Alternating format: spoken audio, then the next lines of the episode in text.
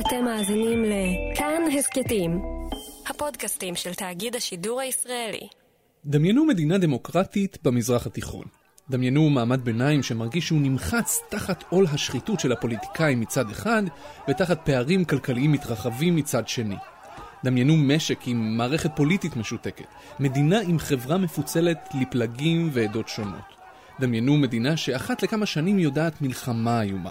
דמיינו מאות אלפי אזרחים, בעיקר צעירים, שיוצאים יום אחד לרחובות למחות נגד השלטון, על כך שנמאס להם, על כך שהם רוצים לעשות ריסטארט לכלכלה, על כך שהם רוצים צדק חברתי. איזו מדינה דמיינתם? כי אני מדבר על לבנון. בשבועות האחרונים הציבור הלבנוני יצא לרחובות. הם יצאו לרחובות אחרי תסיסה חברתית שנמשכה כמה חודשים, וכללה שביתה בתחנות הדלק, שביתה של נהגים, שביתה בשדה התעופה. לשובתים והמפגינים היו סיבות מצוינות לשבות ולהפגין. המצב הכלכלי בלבנון הגיע באמת לשפל המדרגה. התשתיות הוזנחו במשך שנים, אי השוויון גבוה, הגירעון הממשלתי בשמיים, ושיעור האבטלה בעלייה. אבל כמו תמיד בסיפורים האלה, מה שהוציא את ההמונים לרחובות, מה ששלח מאות אלפי לבנונים בכל רחבי המדינה להפגנות די אלימות נגד השלטון ונגד השיטה, לא היו נתוני המקרו, אלא משהו נקודתי מאוד. משהו נקודתי ששבר את גבו של מעמד הביניים הלבנוני.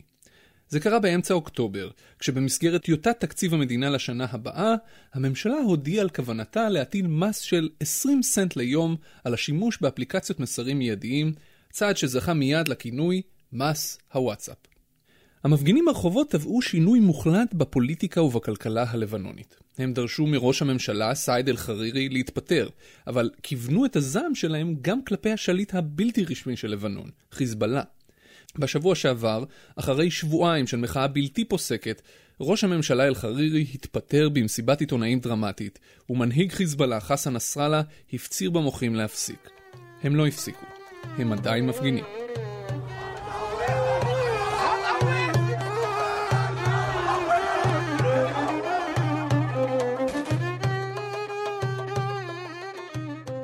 היי, אני שאול אמסטרדמסקי ואתם מאזינים לחיות כיס, הפודקאסט הכלכלי של כאן. ב-20 בנובמבר נחזור עם פרק חדש וטרי של חיות כיס מהעונה החדשה.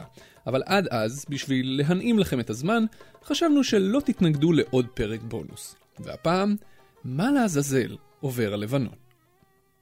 בשביל להבין מה קורה שם ברחובות ערי המדינה השכנה שלנו מצפון, דיברתי בשבוע שעבר עם המומחה הכי טוב שאני מכיר בישראל לכלכלות העולם הערבי, דורון פסקין. אה, אם תוכל רק להציג את עצמך, כלומר להגיד איך קוראים לך ומה אתה עושה. דורון פסקין, מנהל אה, חברת קונקורד המזרח התיכון, חברה שעוקבת אחרי שווקי המזרח התיכון והסנטימנט הציבורי כפי שהוא משתקף ברשתות החברתיות ובתקשורת. כבר 25 שנה דורון עוקב אחרי כלכלות המזרח התיכון. ואם אתם מאזינים לחיות כיס מזה זמן, אתם בטח זוכרים אותו מפרק מספר 111, כלכלה של איש אחד. הפרק שסיפר את הסיפור של כלכלת טורקיה תחת ארדואן. אם עוד לא הקשבתם לו, אתם מוזמנים לחפש אותו אחרי שהפרק הזה יסתיים. כששאלתי את פסקין באיזו נקודה החל הסיפור הכלכלי-פוליטי הנוכחי של לבנון, הוא קצת נאנח, והסביר לי שזה סיפור ארוך, ארוך שנים, אבל שאם הוא צריך להצביע על נקודה אחת בזמן שבה הכל החל, הרי שזו הייתה שנת 2011. ספציפית, אה, אני חושב שההידרדרות אה, של לבנון החלה ב-2011 עם האביב הערבי ועם אה, סוריה. שני האירועים האלה ב-2011 היו אירועים אדירים, מהסוג שקורה רק פעם ב... בתכלס פעם באף פעם. בזו אחר זו החלו מדינות המזרח התיכון לבעור. בתוניס המחאה הזו הפילה את המשטר, כנ"ל במצרים, כנ"ל בלוב, כנ"ל בתימן, והיו הפגנות גם במדינות ערביות רבות נוספות במזרח התיכון. בסוריה, האביב הערבי הוביל למלחמת אזרחים של ממש, וכמעט להתפרקותה הכללית של המדינה. במלחמה הזו, שעדיין נמשכת ומערבת כבר את המעצמות הגדולות, וגם את המעצמות הפחות גדולות, וגם שלל אינטרסים מדיניים וכלכליים, נהרגו כבר מאות אלפי אזרחים סורים, ומיליוני אחרים נמלטו למדינות אחרות והפכו לפליטים. והסיבה שאנחנו פותחים את הפרק הלבנון בסיפור של סוריה דווקא, היא שבעשורים האחרונים לבנון נסמכה על סוריה שתעניק יציבות לפוליטיקה שלה. וברגע שסוריה החלה להתפרק, גלי ההדף האלה הגיעו גם ללבנון. מדינת לבנון, שזכתה לעצמאות ב-1943, היא בעצם אוסף של אנשים מהרבה מאוד עדות שונות. בעבר הנוצרים היו הרוב בלבנון, אך היום זה כבר לא המצב. כיום, קצת יותר ממחצית הלבנונים הם מוסלמים. אבל גם הנוצרים וגם המוסלמים הלבנונים מתחלקים לעדות וזרמים שונים. רוב המוסלמים למשל הם שיעים, ואולם ישנו מיעוט סוני גדול וישנם גם דרוזים ואחרים. ובתוך הנוצרים ישנו רוב מרוני גדול, אבל יש גם יוונים אורתודוקסים ויוונים קתולים וזרמים רבים נוספים. אנחנו הישראלים יודעים היטב לאיזה קיטוב חברתי אפשר להגיע כשהחברה בנויה ממספר שבטים שונים. עכשיו נסו לדמיין מדינה שהיא אפילו עוד יותר הטרוגנית בזרמים השונים שלה, ותבינו לבד עד כמה המערכת הפוליטית של לבנון סובלת מחוסר יציבות כרוני. עד אמצע שנות ה-70 זה דווקא עבד. לבנון זכתה לכינוי שוויצריה הקטנה והפכה לפנינת התיירות של המזרח התיכון. אבל אז, ב-1975, פרצה במדינה מלחמת אזרחים עקובה מדם. מלחמה שנמשכה עד 1990 וגבתה בדרך 150 אלף קורבנות, יצרה יותר ממיליון פליטים וגרמה נזק של 25 מיליארד דולר במצטבר. הפרק הזה קצר מכדי לזכור את כל ההיסטוריה של המלחמה הסבוכה הזו.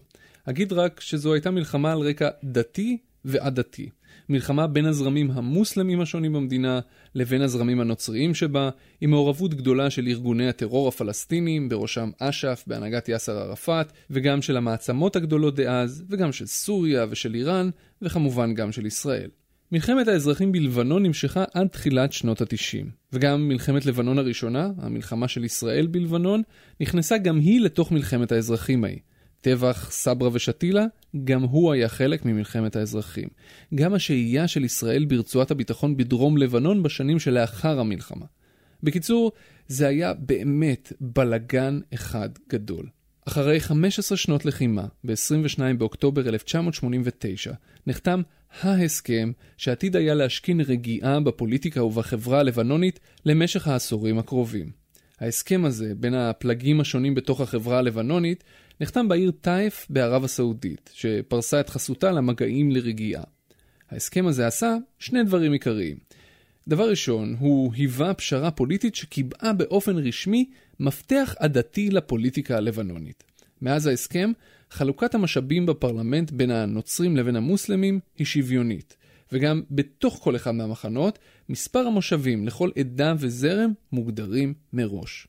זה כמו שבישראל הייתם יודעים מראש שהחרדים יקבלו X מושבים, שהציונות הדתית תקבל Y, שהערבים יקבלו Z ושהיהודים החילונים יקבלו את היתר. הדבר השני שההסכם הזה עשה, הוא העניק לסוריה את התפקיד של המבוגר האחראי, האחות הגדולה, המדינה שתייצב את לבנון מבחוץ וגם קצת מבפנים, בעיקר על ידי הצבא שלה. הסורים עד 2005 ייצבו את המערכת בלבנון. יכול להיות שכשאנחנו מסתכלים, זה מה שלבנון צריכה, מבוגר אחראי שיבוא אה, מבחוץ. כי מאז ההתפרקות של סוריה, וכאן אנחנו מגיעים לשאלתך, בדגש על 2011, לבנון החליקה אה, למדרון, ובוודאי למדרון הכלכלי. אבל מה זה בעצם אומר שסוריה הייתה המבוגר האחראי ושהיא ייצבה את הכלכלה הלבנונית? האם זה אומר שסוריה הזרימה כסף ללבנון והצמיחה את הכלכלה? לא ממש. לפי פסקין, סוריה בעיקר העניקה יציבות פוליטית, היא העניקה מסגרת. לפחות במקור, הרעיון היה שצבא סוריה יתפרס לאורך נקודות קריטיות במדינה, בשביל לוודא שאף מיליציה לבנונית חמושה מן העבר לא תתפוס כוח על חשבון האחרות. תחשבו על זה בתור חיל השלום הסורי, או משהו כזה. והדבר הזה עבד. הפוליטיקה הלבנונית התייצבה, ככל שהיא יכולה, וההתייצבות הזו אפשרה, סוף כל סוף, גם צמיחה כלכלית. במשך עשור, מסוף שנות ה-80 ועד סוף שנות ה-90, כלכלת לבנון צמחה במהירות. בשנה הראשונה לאחר החתימה על הסכם הרגיעה, שיעור הצמיחה במדינה היה ממש מסחרר, 26.5%, אבל זה עוד כלום, כי בשנה לאחר מכן הוא היה יותר מ-49%. זה שיעור צמיחה שאפשר למצוא רק במדינות שממש בונות את עצמן מחדש מתוך האפר והאפר. אחר כך, במחצית הראשונה של שנות האלפיים, סביב התפוצצות בועת הדוט קום וסביב מלחמת לבנון השנייה ב-2006, כלכלת המדינה שוב דשדשה. שיעור הצמיחה השנתי ירד לסביבות ה-3%. אחרי המלחמה, עם סיוע פיננסי ממדינות ערב והאיחוד האירופי, הכלכלה שוב המריאה לשיעורי צמיחה של 8%, 9%, אפילו יותר כל שנה.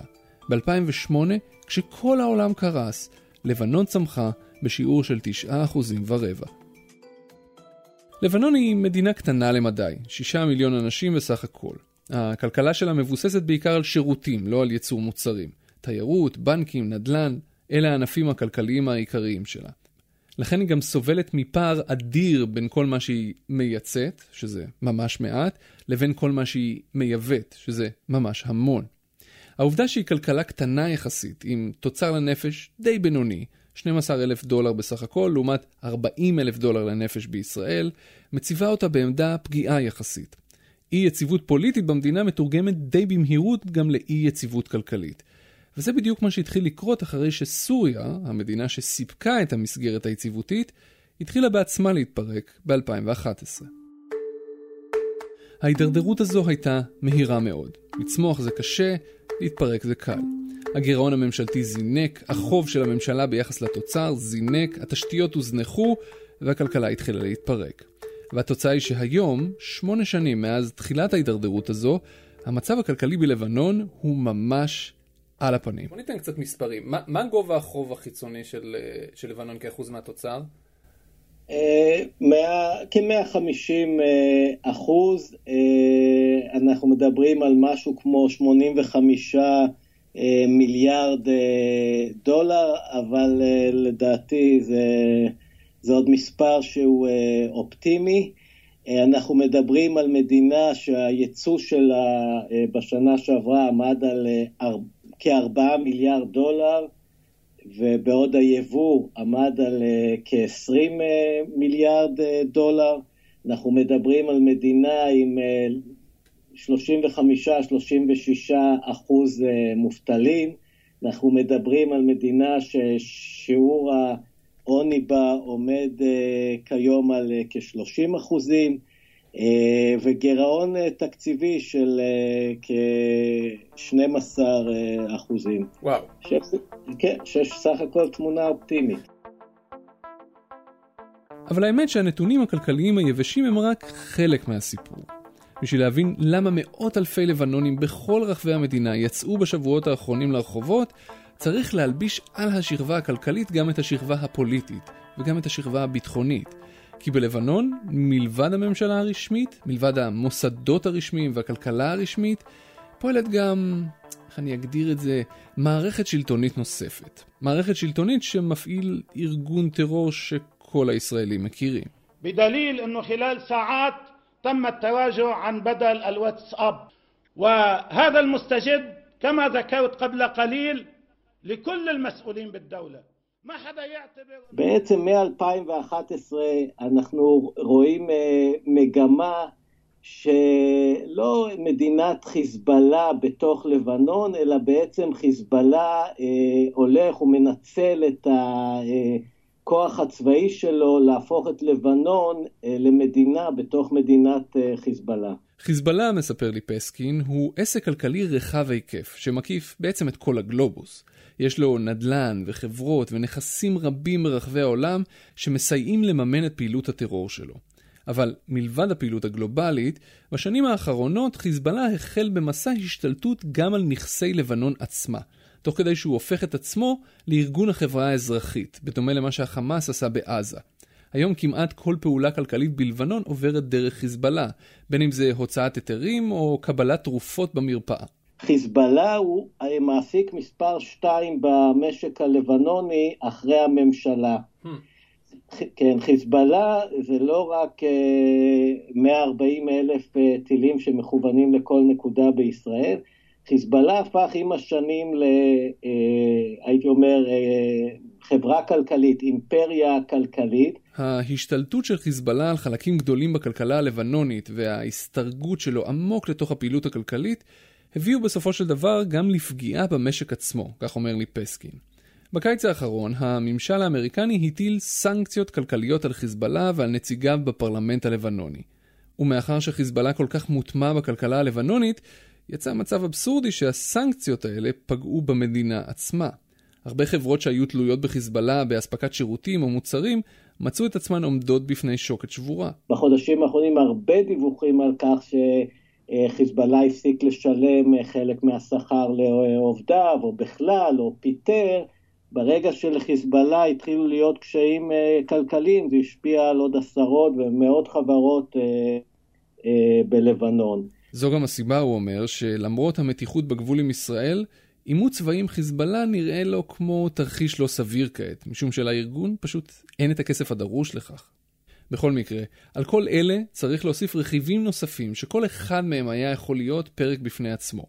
למשל, את העובדה שמאז תחילת מלחמת האזרחים בסוריה, ברחו ללבנון כמיליון וחצי פליטים סורים, שהעלו את שיעור האבטלה ושהרחיבו את מעגל העוני.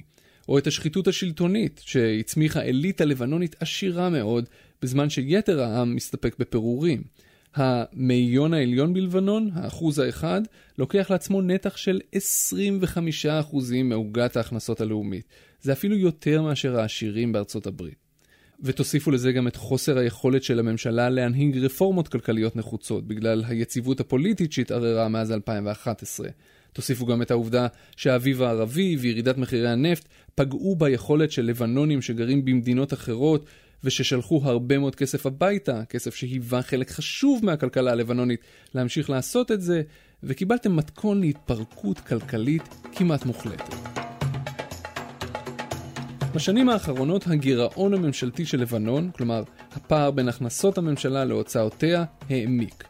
אם בשנת 2010 הוא עמד על 7% מהתוצר, שזה באמת שיעור גירעון מאוד מאוד גבוה לכל הדעות, הרי שבשנה שעברה הוא כבר עמד על 11%, והשנה על 12%.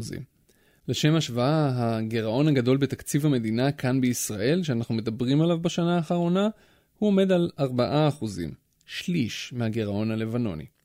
לעומת אלה, קצב הצמיחה הלבנונית עמד בשנים האחרונות על שיעור שנתי נמוך מאוד, אחוז ואפילו פחות. התוצאה של צמיחה נמוכה מצד אחד וגירעון גבוה מאוד מצד שני, הוא שהכנסות הממשלה ממיסים לא יכולות לעמוד בקצב, והגירעון השנתי מצטבר לעוד ועוד חובות שהממשלה נאלצת ללוות בשביל לממן את המשך הפעילות שלה. החובות האלה מצטברים ומצטברים ומגיעים כבר ל-150% ביחס לתוצר. כלומר שלבנון חייבת הרבה יותר ממה שכל המשק שלה מסוגל לייצר בשנה אחת. זה אחד משיעורי החוב הגבוהים ביותר בעולם. ועל החוב הזה צריך לשלם ריבית, וככל שהחוב גבוה יותר, גם גובה הריבית גבוה יותר, והמשקולת על תקציב המדינה בלבנון נעשית יותר ויותר כבדה. לבנון, 50% מהתקציב שלה הולך לתשלום חובות, 30% הולך לתשלום עבור אה, מועסקי המגזר הציבורי, שבינינו אף אחד לא שומע, זה בעצם סעיף השוחד הכי גדול אה, ב- בלבנון, כי זה בעצם אה, המועסקים הם על, על בסיס הדתי, עוד עשרה אחוזים הולכים לשיקום התשתיות אה, בלבנון, שזה לא קורה, כן? Mm-hmm. אין חשמל ואין מים והכבישים ראויים, אין מסילת ברזל, שדה התעופה הוא פקוק. ואז כלומר נשארים עשרה אחוזים לפיתוח, לפרויקטים, אה, ל... אה, ליצירת מקומות עבודה, שזה מראה לך את המצב. במילים אחרות, חלק אדיר מהתקציב, כמעט חצי, הולך לתשלום חובות, ומעט מאוד נשאר בשביל אשכרה לתת שירות לציבור. ובתכלס, יש סיכוי שהממשלה הלבנונית הייתה ממשיכה עם זה, אבל אז הגיעו גרמניה וצרפת ומדינות נוספות ואמרו, עד כאן. אם את, לבנון, רוצה לקבל מאיתנו כספי סיוע בשביל לצאת מהבוץ, את חייבת להראות לנו שאת מתחילה לתקן את הכלכלה שלך. ותתחילי בבקשה בקיצוצים ובצנע ובהפחתת הגירעון. בשנה שעברה היה כנס בפריז, שבו הובטח ללבנון 11 אה, מיליארד דולר במענקים והלוואות. ממדינות באירופה, בעיקר אה, צרפת, אה, גרמניה וגם אה, מדינות במפרץ. Mm-hmm. אבל ה-11 מיליארד האלו לא ניתנים ככה בחינם, כי אתה יודע, 11 מיליארד שהיו מגיעים ללבנון ישר היו הולכים לכיסא הפוליטיקאים. אז הוצב תנאי שהממשלה חייבת לבצע רפורמות וקודם כל להוריד את הגירעון התקציבי מ-11% מהתמ"ג ל-8%. וכך הגענו לזה שבאמצע אוקטובר, בהצעת התקציב לשנת 2020 שהפוליטיקאים גיבשו, הם כללו כמה צעדים בלתי פופולריים בעליל שהיו אמורים להעלות את הכנסות המדינה ולהקטין את הגירעון. למשל, העלאה של המע"מ משיעור של 11% ל-15% בתוך שנתיים, וגם הקפאה של השכר במגזר הציבורי, וגם כל מיני מיסים מוזרים, וגם את מה ששבר את גבו של מעמד הביניים הלבנוני והוציא אותו לרחובות, מס של 20 סנט ליום על שימוש באפליקציות מסרים מיידיים. מס שבתקשורת הישראלית קיבל מיד את הכינוי מס הוואטסאפ. אם צפיתם בקטעי הוידאו של ההפגנות בלבנון, בטח שמתם לב שהם מזכירים במשהו את המחאה החברתית בישראל בקיץ 2011. כלומר, הן הרבה יותר אלימות וכוללות התנגשויות של ממש עם הצבא. כן, הצבא. אבל חוץ מהעובדה הזו, יש שם המון קווי דמיון. כמו בישראל, כך גם בלבנון ההפגנות התחילו מדבר אחד, מחאה בביירות מול מעון ראש הממשלה נגד מס הוואטסאפ, אבל מהר מאוד התפשטו למחאה כלל ארצית נגד השחיתות ובעד שוויון וצדק חברתי.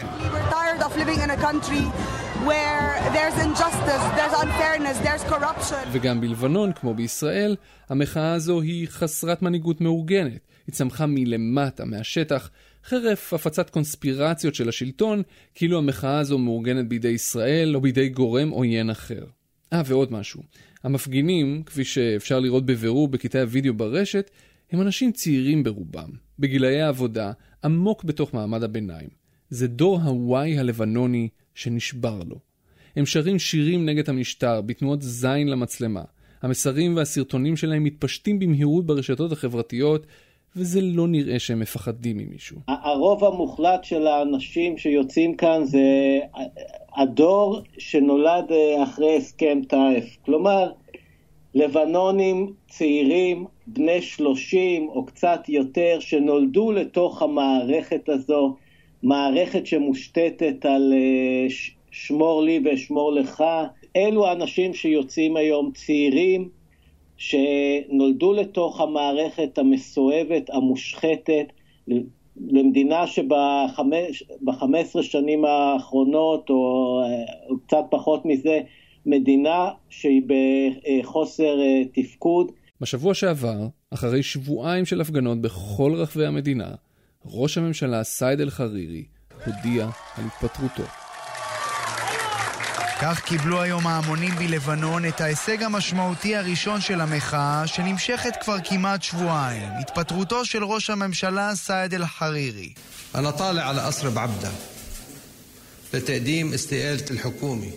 אבל הצעד הזה ממש לא פייס את המוחים ולא עצר את המחאה. להפך, במידה מסוימת זה רק תדלק אותה. כי המפגינים, אומר לי פסקין, הם לא מחפשים להחליף פוליטיקאי מושחת אחד בפוליטיקאי מושחת אחר, אלא הם מחפשים להחליף את המערכת כולה. וזה, זה אתגר הרבה יותר קשה. הלבנונים רוצים, ברור, להעיף את ה... אה, כל המנהיגים הנוכחיים שהם אה, מושחתים וניזונים אה, מהמשאבים של המדינה הלבנונית. הם רוצים כמובן לא רק שחרירי יתפטר, אלא גם הנשיא וגם יושב ראש הפרלמנט. הם רוצים ממשלה בשלב הראשון של מומחים שתנסה לחלץ את העגלה הלבנונית מהבוץ על סמך אינטרסים ושיקולים כלכליים ולא פוליטיים, עדתיים ואגו, וכמובן השלב האחרון שזה בחירות אה, ללא אה, מכסות עדתיות, אה, איך אומרים? אה, משחק חדש.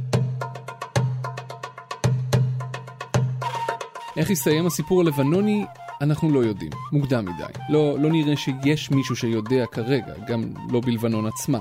ההפגנות בינתיים ממשיכות וצוברות תאוצה. בחלק מהידיעות כבר מכנים אותן מהפכת אוקטובר. גם בעיראק אגב החלו הפגנות. דריכות נרשמת גם במדינות אחרות במזרח התיכון. כי בשכונה שלנו, כולנו יודעים, אין שום דרך לדעת איך דברים כאלה ייגמרו בסופו של דבר. האם מישהו חשב שהמהפכה בתוניסיה בסוף 2010 תשנה לחלוטין את כל המזרח התיכון? לא ממש. ולכן, לכו תדעו לאן יגיעו בסוף גלי ההדף של מס הוואטסאפ. זה היה פרק בונוס שלנו על מה קורה בלבנון, שהפקתי וערכתי יחד עם רום אטיק. תודה מיוחדת לירדן מרציאנו על הסיוע בעריכת הסאונד. במערכת חיות כיס חברות גם צליל אברהם ודנה פרנק. הפרקים הרגילים של חיות כיס יחזרו ב-20 בנובמבר, כדאי לחכות. בינתיים, אם בא לכם לשמוע פרקים נוספים שלנו על מדינות אחרות, חפשו בגוגל או בכל אפליקציית פודקאסטים את הפרקים שהכנו על איראן, תימן, בריטניה, ונצואלה או טורקיה. אני שאול אמסטרדמסקי, תודה רבה שהאזנתם.